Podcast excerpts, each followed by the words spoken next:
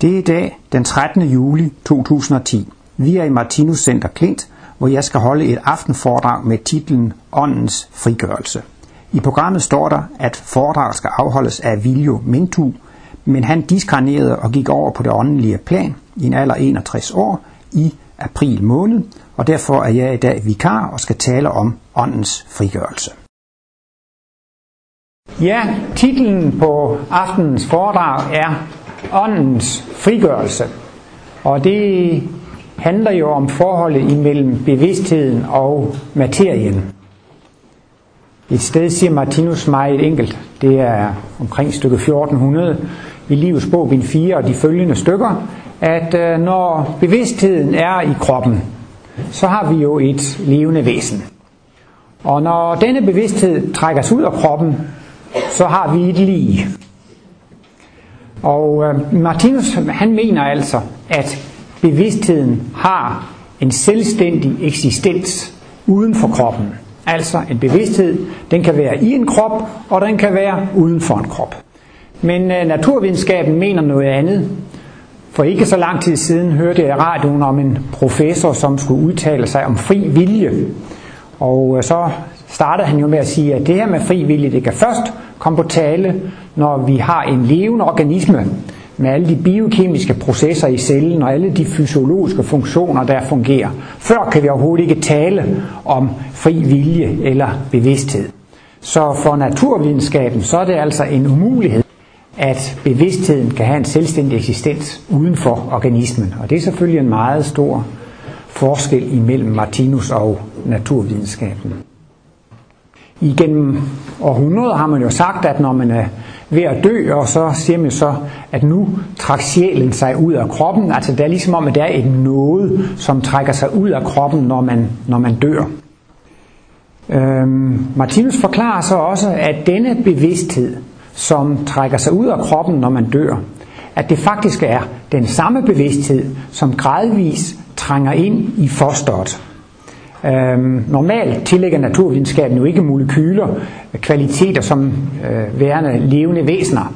Så hvis man har nogle DNA-molekyler i sædcellen og nogle DNA-molekyler i kvindens ægcelle, og de så smelter sammen ved befrugtningen, så øhm, regner man måske ikke sådan naturvidenskab lige i første omgang med, at man har et levende væsen, blot fordi man har de her DNA-molekyler.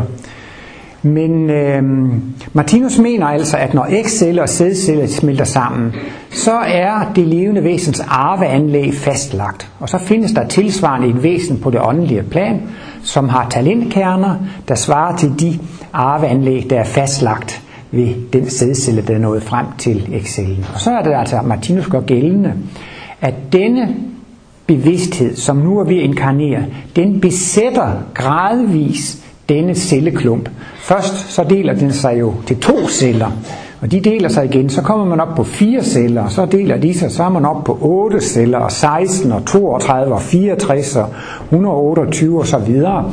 Men gradvist som denne celleklump vokser, så begynder denne bevidsthed altså mere og mere at besætte denne celleklump, ikke sandt? Så man kan sige altså, at uh, lige så vel som bevidstheden ved døden kan trække sig ud af organismen, så kan altså bevidstheden altså også trænge ind i organismen, ikke sandt? Og gradvist som, som graviditeten skrider frem, så får denne bevidsthed altså mere og mere kontrol over den nye organisme, og så efter ni måneders graviditet, så bliver barnet jo født, og så siger man, her har vi jo et levende væsen, fordi denne bevidsthed er trængt ind i, øh, i organismen. Martinus han øh, forklarer jo også i det store spiralkredsløb, at øh, der er der også tale om, at bevidsthed kan have en eksistens uafhængig af materien, og bevidstheden kan også have en eksistens i materien. Og det er faktisk det, som er motivet for hele spiralkredsløbet. Der er altså to kontraster i de store spiralkredsløb. Vi snakker jo om lys og mørke og så videre, men man kunne altså også godt tale om, at det store kontrastpar i øh, spiralkredsløbet, det er altså, at bevidstheden findes uafhængigt af materien. Altså, når jeg siger materie, så tænker jeg altså på den fysiske materie. Øh, Martinus han taler selvfølgelig om, at vi både har en åndelig materie og en, en fysisk materie. Ikke? Men altså i de åndelige verdener, der har bevidstheden altså en selvstændig eksistens uden for materien, og her i mineralrige, planterige og dyrerige, der har vi så altså det, at bevidstheden den er trængt ind i øh, materien, den fysiske materie. Og øh, er vi altså i de åndelige verdener, vi har nogle væsener, dobbeltpolede væsener i den åndelige verden, så er de altså frie af den fysiske materie. Men når de så går ind i salighedsriget, som jo er hukommelsesriget, så mindes de jo alle højdepunkterne fra det foregående spiralkredsløb, og der er også antydning af, at man måske ligefrem kan huske flere spiralkredsløb tilbage, men dem har man jo husket tilbage på tidligere. Så det mest spændende spiralkredsløb at huske tilbage på, det må jo være det, lige, det spiralkredsløb, der lige er tilbagelagt og øh, Martinus mener jo blandt andet, at noget af det, der er det mest spændende at huske på i spiralkredsløbet, det var jo netop de ulykkelige ægteskaber zone. Der skete der mange spændende ting, og det danner også store kontraster til mange forhold i den åndelige verden. Så det, og det er jo også helt fantastisk at få lov til at få hele det her panorama klarlagt. Uh, altså at man kan se sammenhængen. Man oplever det ene liv efter det andet. Men det er jo fantastisk at få lov at se sådan et helt, helt stribe, et helt panorama af liv og se, hvordan det hele hænger sammen og hvordan det har udviklet sig. Når væsen sådan husker tilbage på de tidligere liv, så begynder det jo også at, øh, at, øh, at, at længes efter at opleve noget nyt. Og netop fordi væsenet i den åndelige verden er midt af tilværelsen i den åndelige verden, så længes det jo efter et tilværelse i den fysiske verden.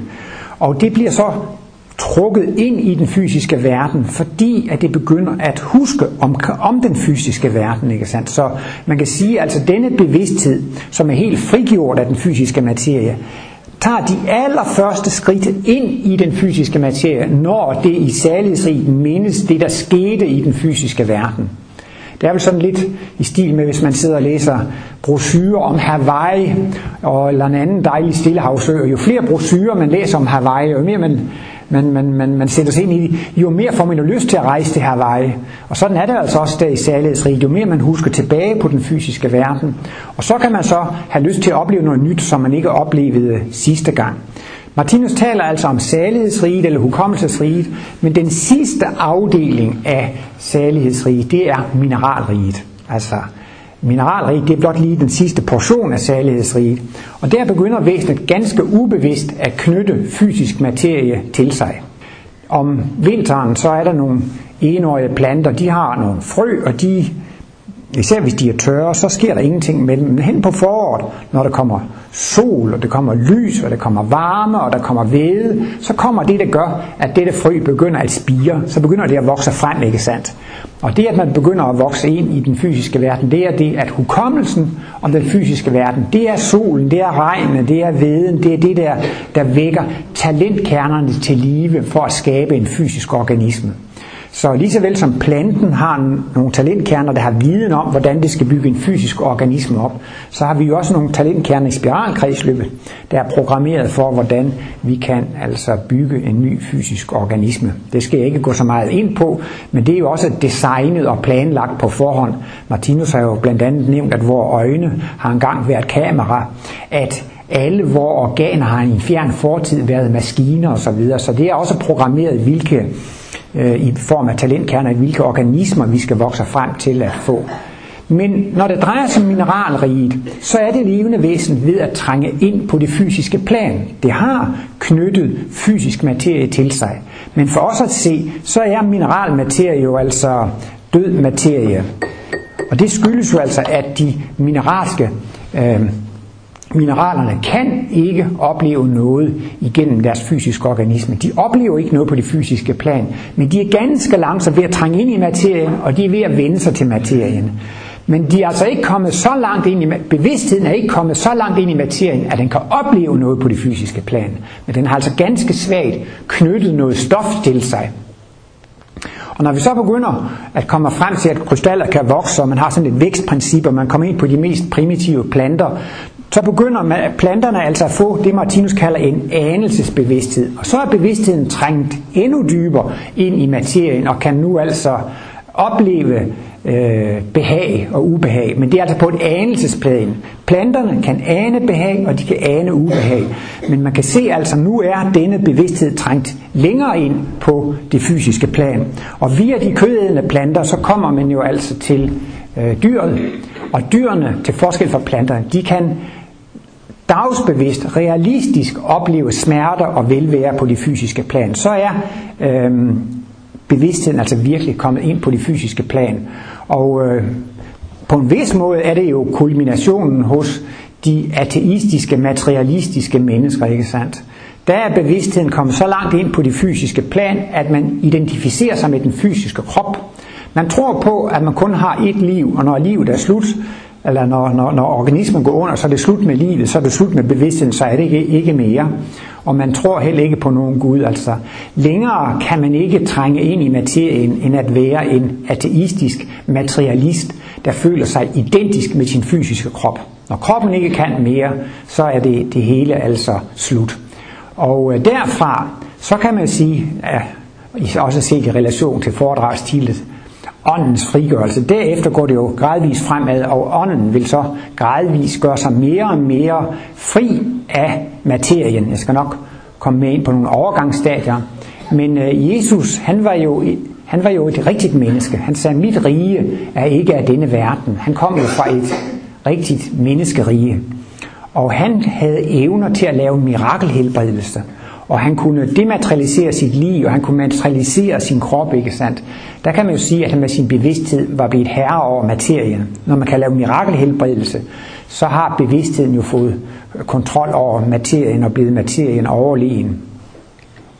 Og så efterhånden, som man så kan materialisere og dematerialisere sig, så går man jo mere og mere ind i den åndelige del af det rigtige menneske, og så frigør bevidstheden sig jo helt igen fra øh, det fysiske. Materialisterne, de tror som sagt på, at vi kun har den ene liv, og at det er materien, der er det primære. Øhm, der er to ting, jeg gerne vil komme ind på i forbindelse med den materialistiske tro, og det er altså, at de mener, at bevidsthed er noget, der er produceret af materien.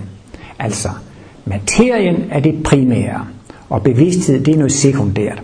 Altså det allerførste, det er jo, at der var det her Big Bang, og jeg kan ikke huske, jeg har læst om det en gang, men efter nogle sekunder eller nogle, nogle år, så er, der dannet, så er der dannet atomer, og så er der dannet 75-75% helium og 25% nej, 75% brint, eller hydrogen som det hedder, og 75% helium. Det er det, man kalder for den oprindelige gassky. Disse to grundstoffer, disse atomer, de bevæger sig tilfældigt imellem hinanden. Ikke? Det er så at sige udgangspunktet. Udgangspunktet for, at vi er her i denne sal, er denne oprindelige gassky. Og vi er opstået af denne oprindelige gassky takket være en lang række tilfældigheder. Og til at begynde med, så var der ikke noget liv i universet. Det var altså rungende dødt. Men på et tidspunkt var der ved tilfældigheder opstået så komplicerede molekyler, at der var grundlag for, at livet kunne opstå ved en tilfældighed. Og så kan man så spørge sig, hvordan er den mekanisme, der, der, der gør, at livet opstår? Men det kan man altså ikke få nogen forklaring på. Enten så betyder det, at livet er opstået ved en tilfældighed. Det kunne et betyde, vi aner det ikke. Eller to, så betyder det faktisk, at årsagsloven er sat ud af virkning. Der må jo være, Martinus taler om, at der er en lov for årsag og virkning, og det er også grundlaget i naturvidenskaben. Og hvis den virkelig gælder, så må der være en årsag til, at livet er opstået. Så kan livet ikke være opstået uden årsag, så kan det ikke være opstået ved, ved en tilfældighed. Så jeg synes, man må sige, at naturvidenskaben skylder en forklaring på, hvordan liv kan opstå af noget dødt. Det er næsten det mest fundamentale i hele Martinus kosmologi, det er, noget kan ikke blive til, blive, blive til af ingenting, og noget som er, kan ikke blive til ingenting. Altså, øhm, i hvert fald hvis man kigger på energien, så siger man, at summen af energi er konstant. Man kan ikke lave energi af ingenting, så havde vi jo løst energiproblemet. Energi kan ikke blive til ingenting. Energien er der bare, det, det er bare noget, som er. Men naturvidenskaben, de afviser jo meget kraftigt, at man skulle kunne fødes to gange. Og så er det, jeg har lært sådan en lille vits, som går ud på, hvis der er en klog mand, som kan forklare mig, hvordan det kan lade sig gøre at blive født første gang, så vil jeg gerne påtage mig og forklare, hvordan det kan lade sig gøre at blive født anden gang. Er det ikke et meget større mirakel, at man bliver født første gang? Det er da meget svært at forklare. Kan man give en god forklaring på det, så er det jo nemt nok at forklare, hvordan man kan fødes anden gang. Så der har de faktisk et stort problem, naturvidenskaben. Og Martinus mener jo altså også, at, at, at de tror. Øhm, jeg har, jeg har jo også studeret på det tekniske universitet og studeret hvad hedder det, materiens struktur og stoffets struktur. Og der har jeg aldrig stødt på noget, der mindede om bevidsthed eller liv eller så videre. Altså, man kan ikke på universitetet studere noget ved stoffets natur, som skulle kunne producere bevidsthed. Ikke? Det er den ene ting. Og den anden ting er jo så, at man mener, at den bevidsthed, vi har, den er produceret af den fysiske hjerne. Man kan måle, hvis nu man skal prøve at snakke et fremmed sprog, så kan man se, at der er et hjernecenter, der bliver meget aktivt, og hvis man tænker på sex, så er det et andet hjernecenter, der bliver meget aktivt, og hvis man tænker på mad, så er det et tredje hjernecenter, der bliver aktivt. Og der slutter man så altså, at det er den fysiske hjerne, der producerer disse tanker. Men det, man i virkeligheden har vist inden for videnskaben, det er, at der er en sammenhæng mellem aktivitet i hjernecentrene og det, vi tænker på. Ikke sandt? Men de har ikke vist, at der er noget årsagssammenhæng, at det ene kommer før det andet. Men det er et videnskabeligt faktum, at når vi tænker og beskæftiger os med bestemte ting, så er der altså også aktivitet i bestemte hjernecentre. Men de er simpelthen så overbevist om, at det er den fysiske hjerne, der producerer tankerne eller bevidstheden. Man mener altså, at materien er det primære. Eller man kan sige, at der findes altså jeg tror man inden for filosofien kalder det en immanent årsag. Altså årsagen til liv er en i materien boende kvalitet, ikke sandt? Og det synes Martinus er meget mærkeligt. Hvordan kan noget dødt være ophav til liv? Hvad, hvad er det for noget i den døde materie, der gør, at det kan laves liv ud af det? Martinus mener tværtimod, at materien, både den åndelige, men også specielt den fysiske materie, er et redskab for bevidstheden. Hvis jeg nu siger, nu vil jeg lave et eksempel, nu bøjer og strækker og bøjer og strækker jeg armen, så synes jeg, at øh, jeg vil vise, at min bevidsthed, den behersker materien, ikke sandt? Altså, at materien er materiale for bevidstheden. Mere end det er det, at det er materien, der producerer tankerne. Og i forbindelse med hjernen, så mener Martinus helt afgjort, at vores at det er ikke hjernen, der producerer tankerne. Det er bevidstheden, der producerer tankerne. Og så findes der nogle fysiske antenner i hjernen, som så opfanger disse tanker. Han sammenligner det altså med en radioantenne eller en fjernsynsantenne, ikke sandt? Så kan vi høre et radioprogram, vi kan se et, et tv-program. Hvis man så går hen og måler på antennen, så vil man sikkert godt kunne se, der er en masse elektriske svingninger i antennen. Og så vil man jo så materialistisk sige, ja, men det er de der svingninger, der har produceret tv-programmet. Vi kan måle på antennen, og det er antennen, der har produceret tv-programmet. Men der har jo alligevel været et studielokale, hvor der har været nogle kameraer, der har kørt, og nogle instruktører, der har været på spil, og det er sendt ud osv. Det forstår man ikke, at altså, der er en, en dybere årsag til programmet. Det er ikke bare de der svingninger, man kan måle i antennen. Det er ikke bare de der svingninger, man kan måle i den fysiske hjerne. Så det er virkelig det helt store modsætningsforhold. Martinus siger, at den fysiske materie er materiale for bevidstheden, og de andre siger, at det er den fysiske materie, der har produceret bevidstheden. Så der er altså en, en, en stor forskel. Og Martinus mener, at det er naturvidenskaben, som er troende. Man tror på, at liv er opstået af noget dødt. Man tror på, at liv kan opstå ved en tilfældighed, og man tror på, at bevidsthed kun kan eksistere samtidig med, at man har en fysisk krop. Men det er aldrig blevet bevist. Så i virkeligheden er det en religiøs eller en metafysisk antagelse, at det er det fysiske, der har produceret livet, bare forklædt som videnskab. Martinus har egentlig ikke så meget mere at forklare, når han er inde på, at, at lige så vel som energien er konstant, så er bevidsthedsfænomenet også konstant. Livsfænomenet og bevidsthedsfænomenet. De har altid eksisteret. De er aldrig opstået. Det, der eksisterer ifølge Martinus, det er det levende univers. Når vi kigger ud på stjernehimlen, ja, så har Martinus spurgt, hvad er det egentlig, vi bliver vidne til, når vi ser ud på universet? Og Martinus siger, det vi ser, det er en levende, arbejdende organisme. Altså det faktum, det er noget, som eksisterer. Det er et levende, arbejdende univers. Så har Martinus haft til opgave at forklare dette noget, som findes. I virkeligheden er det det helt basale. Det, der findes, det er et levende, uendeligt univers det fungerer, det arbejder, og så skulle Martinus forklare, jamen hvordan er livet skruet sammen, og hvordan fungerer livet. Og det her så er det, Martinus har brugt alle sine analyser på. Herover først for på væggen ser vi symboler over det levende væsen, denne trekant, hvor vi har skaberen, skabeevnen og det skabte, x1, x2, x3.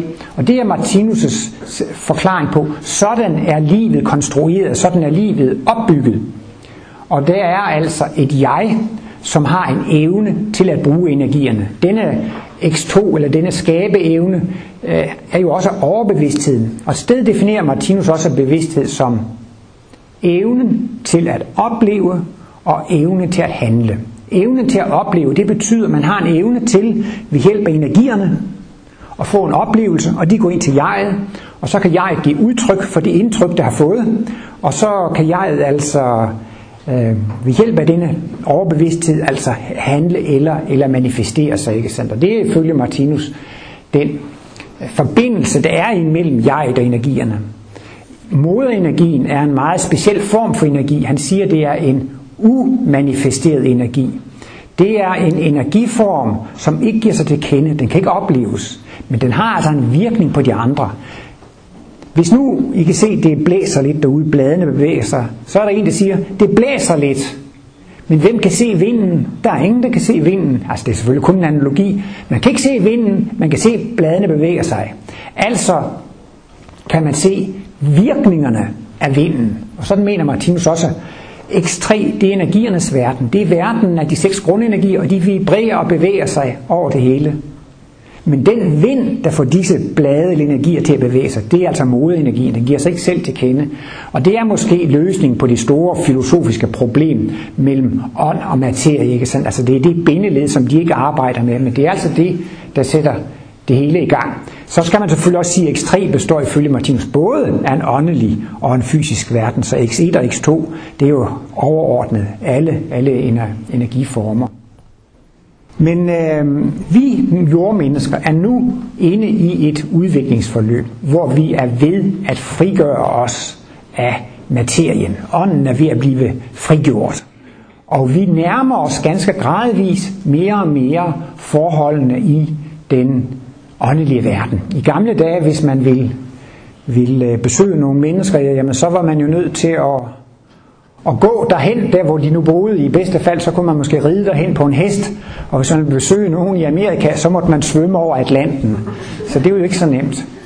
Men øh, så blev der jo opfundet damplokomotiver. Jamen så kunne man jo bevæge sig hundredvis af kilometer, og så kunne man nemmere besøge dem, man ville. Ikke? Så har man jo på en måde frigjort sig lidt af den tunge, af den tunge materie. Jeg synes også, det er fantastisk, da telegrafen blev opfundet. Man kunne morse, så kom radioen. Så, så i stedet for, at man skulle have et postbud eller et sendebud til at løbe hundredvis af kilometer med et brev, så kunne man nu altså sende det afsted. Altså man kunne meddele sig til nogle mennesker, som var hundrede af kilometer væk, ikke sandt? Så var man jo ved at overvinde virkningerne af, at vi så at sige er spærret inde i sådan en, en fysisk kødklump, ikke sandt?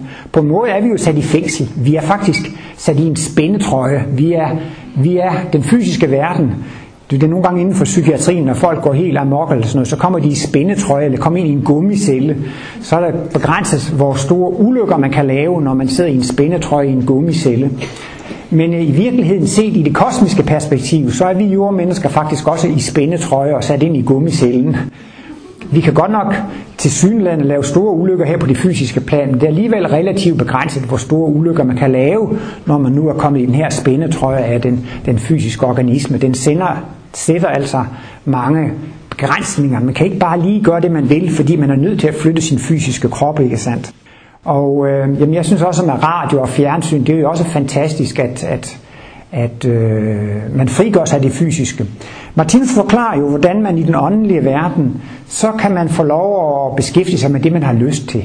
Hvis man gerne vil se nogle skønne naturscenerier, så tænker man på det, og så står det der i åndelig plastisk materie. Hvis man gerne vil høre noget dejlig musik, jamen så står det der i, i åndelig materie. Ligegyldigt hvad man tænker på, så, så kommer det. Alt det man ønsker at se, det kommer til en, ikke sandt? Jamen så er det da også fantastisk. Så kan man i radioen høre et eller andet øh, program med klassisk musik, som man gerne vil høre. Man kan kigge i programmet, og man kan se en film, man gerne vil, vil, vil se. Jamen jeg synes også, at så kommer man ind på at få videobånd og DVD'er, så, så, så kan man se sin yndlingsfilm, når man vil. Og det er jo faktisk også ligesom i den åndelige verden. I gamle dage, så var man jo nødt til at vente på, at øh, byorkestret samledes og gav en koncert, før man kunne høre den der koncert, og så måtte man vente et år til de spillede igen. Eller, men ligesom i den åndelige verden, der ville man når som helst, når man har lyst til det, kunne høre den musik, man gerne ville, ikke sandt? Jamen det kan vi jo i dag. Vi kan jo med vores øh, øh, musikafspiller og, og også med nu altså med internettet og så videre. Altså vi kan få lov til så at sige at høre den musik vi vil have. Og jeg synes også det er fantastisk med alle de her søgemaskiner der er. Altså Google og når man går på nettet, altså man kan få alt mulig viden som man vil.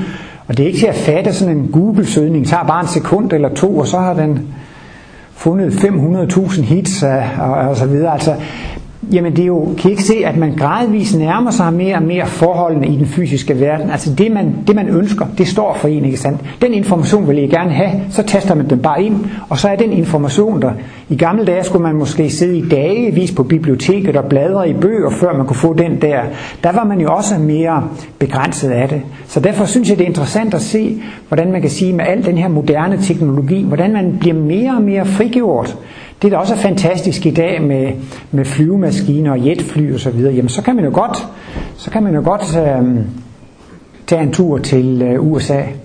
Min mormors søster, hun rejste til USA øh, sammen med, med sin danske mand og, og vi leve i USA. Og så har min mor altid forklaret, eller ikke forklaret, fortalt om den der gribende scene, da datteren siger farvel til sin mor.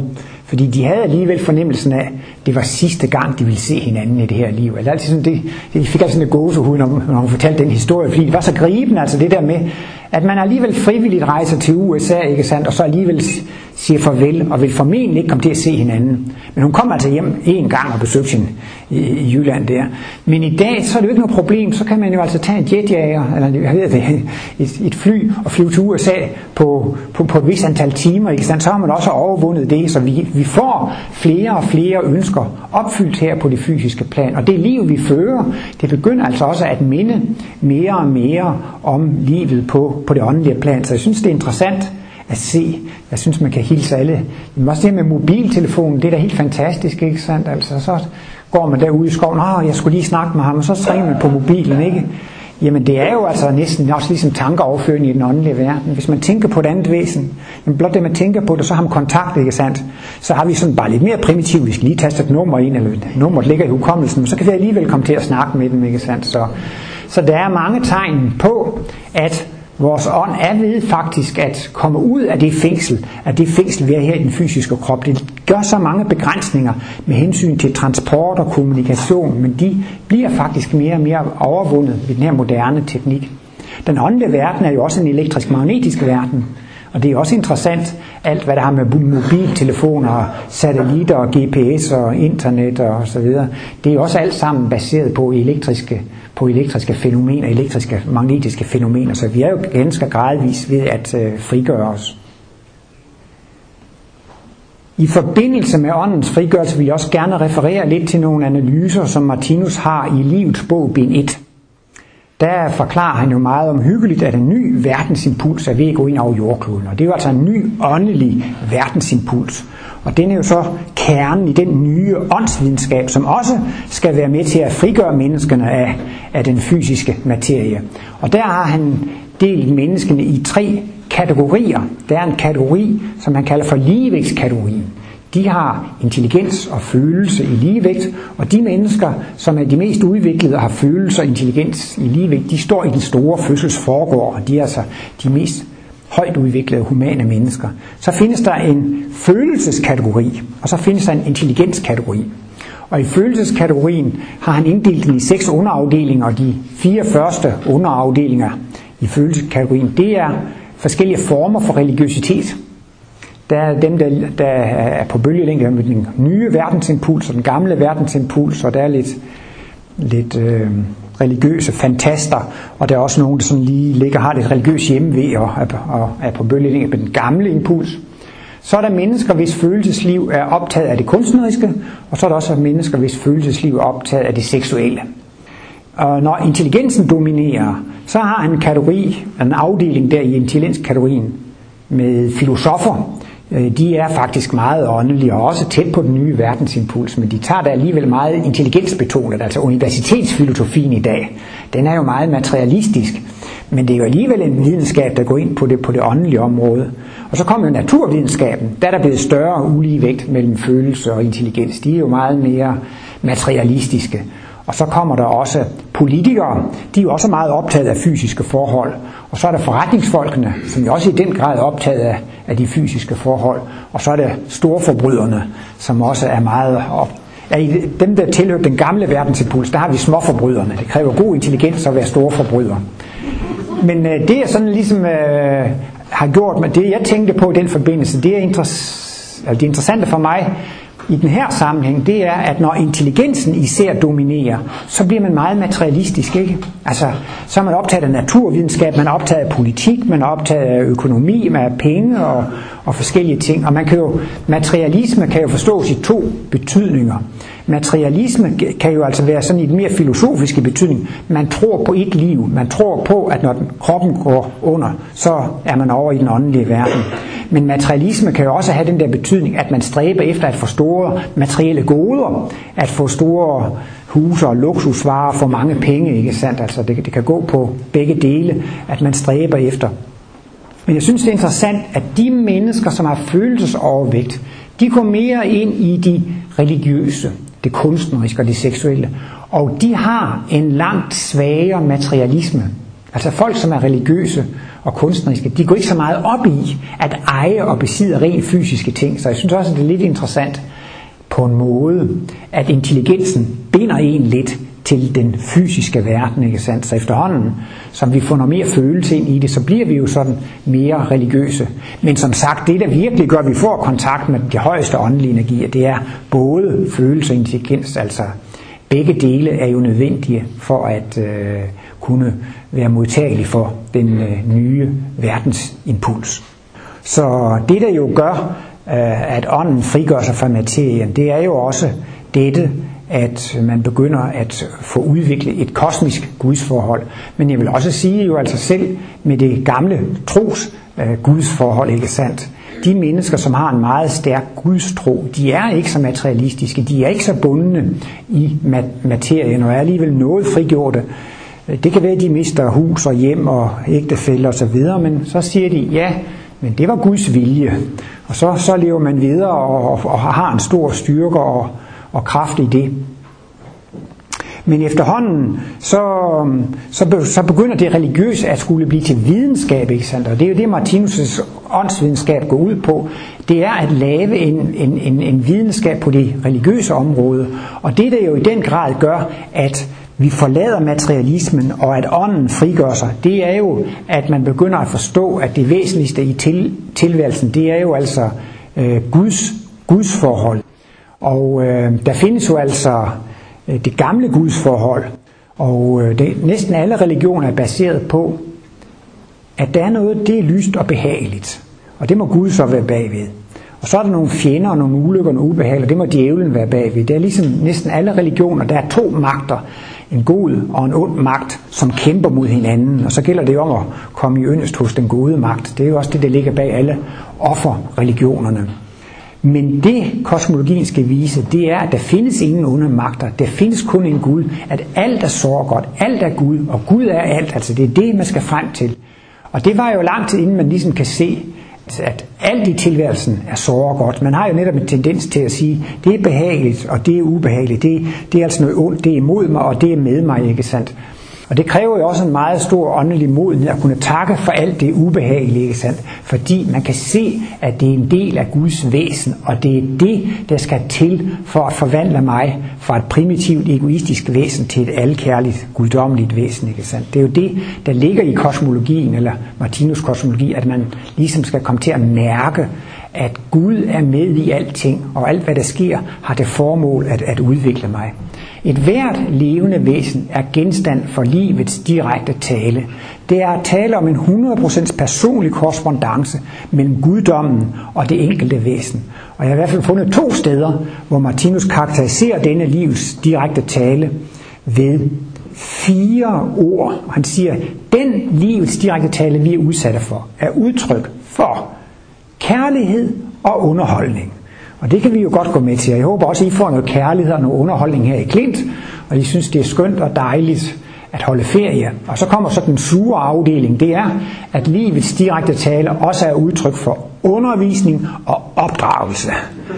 Og det er så faktisk al den modstand, alle de sygdomme, al den ubehagelighed, vi oplever. Det er livets undervisning og livets opdragelse.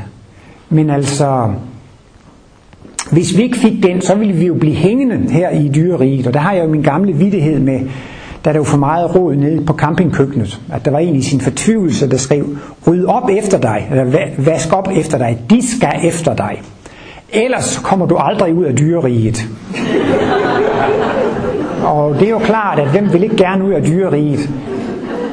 Men altså, vi ville ikke kunne komme ud af dyreriget uden denne livs undervisning og denne livs opdragelse. Og det er altså den ubehagelige del af livet. Men det er jo den helt store livskunst at se, at det er et ubehageligt gode. Altså det er noget, der hjælper os frem i, i udviklingen. Ikke?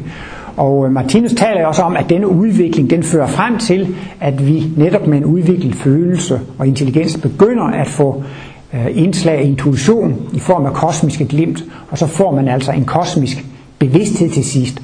Og den kosmiske bevidsthed, det er det samme som Guds bevidsthed. At få kosmisk bevidsthed er det samme som at smelte sammen med Guds bevidsthed. At få kosmisk bevidsthed er det samme som at man kan se livet i et evighedsperspektiv.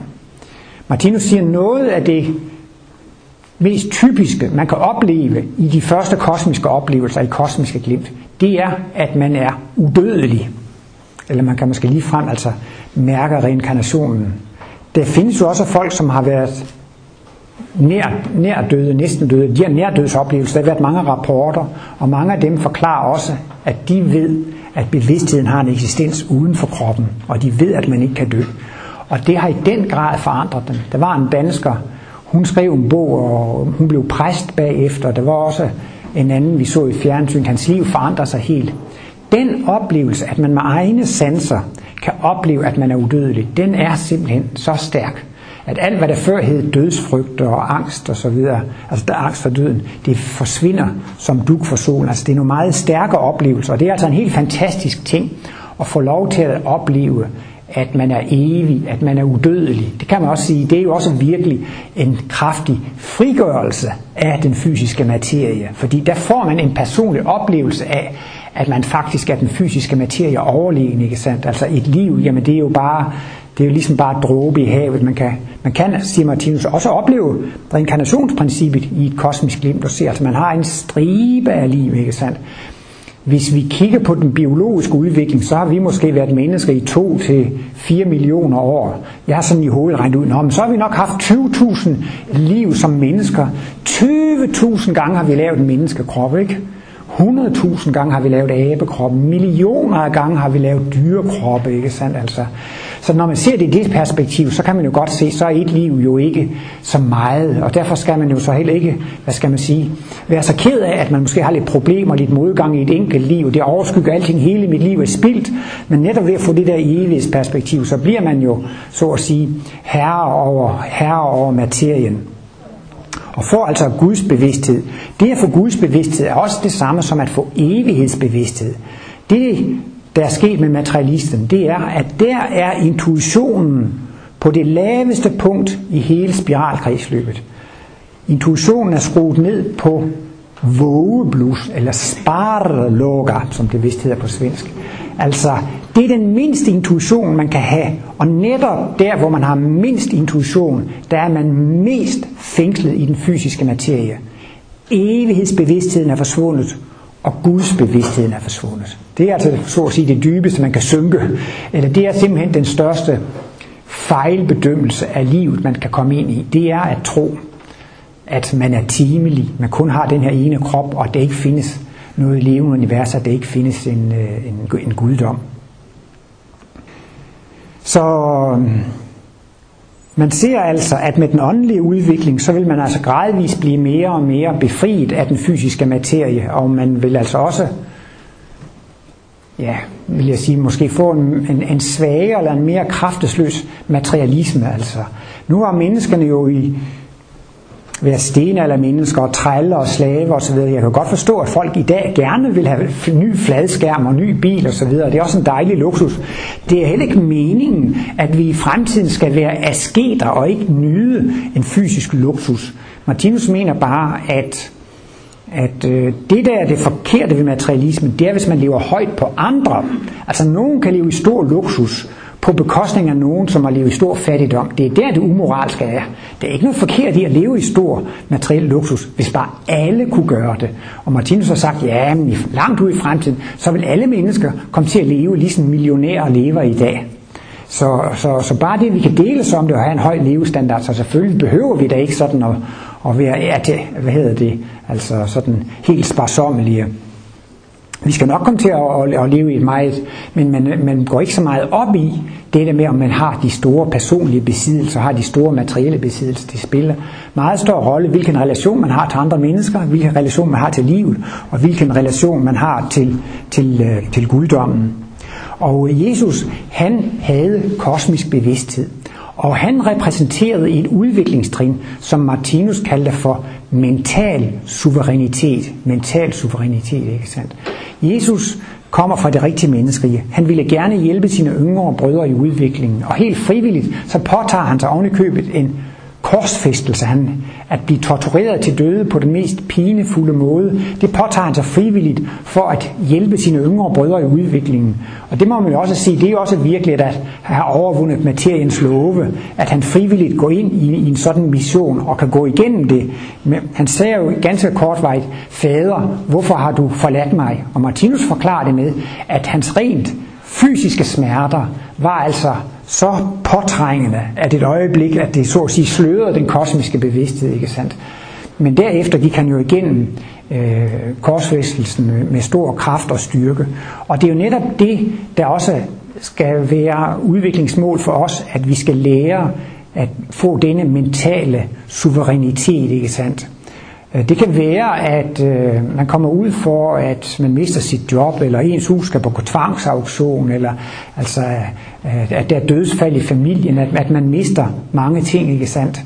Jamen, hvordan skal man komme over sådan noget? Der sker jo mange ulykker, mange sygdomme, og folk de får traumer og bliver udbrændt, ved det, deprimeret og syge osv. Så, videre. så gælder det om at lære at tage de her ting på en måde, så man kan klare det med den mentale balance i behold. Og Martinus mener principielt, så kan man godt blive udsat for den største sygdom, de største problemer, de største ulykker, uden at det går ud over ens psykiske balance. Efter sin er der ingen, der har set Martinus bedrøvet og ked af det. Han kan selvfølgelig have følelser, men altså, han gik jo ikke rundt og var deprimeret og ked af det. Han var altid i en mental ligevægt, uanset hvad der skete. Og det er jo så også det, vi efterhånden skal træne os op til. Og når mennesker er meget ubehagelige over for os, ikke sandt, så i stedet for at blive vrede på dem, så skal man jo sige, tak for undervisningen, tak min kære medarbejder. Så i stedet for at se på sine fjender som uvenner, nogen der ødelægger livet for en, skal man se på dem som de mest værdifulde medarbejdere, man kan have. Tænk, at de helt frivilligt påviser mine egne fejl. Og de er så ædle, at de påtager sig en dårlig karma, bare for at hjælpe mig frem i udviklingen. Det synes jeg er ædelt. Derfor kan man roligt i sine tanker takke alle ubehagelige mennesker for den undervisning, de har givet en. Og man kan roligt takke guddommen for den undervisning og den hjælp, man har fået for at komme længere frem i udviklingen, for at nå dette Kristusstadium, som vi længes efter, for at nå denne sammensmeltning med Guds bevidsthed, som, som vi længes efter. Og ved efterhånden at kunne se, at det er Gud, der er med i det hele, ikke sandt, så begynder vi efterhånden også at opnå den der mentale suverænitet, som vil være med til at frigøre vores ånd fra den fysiske materie. Tak for jer.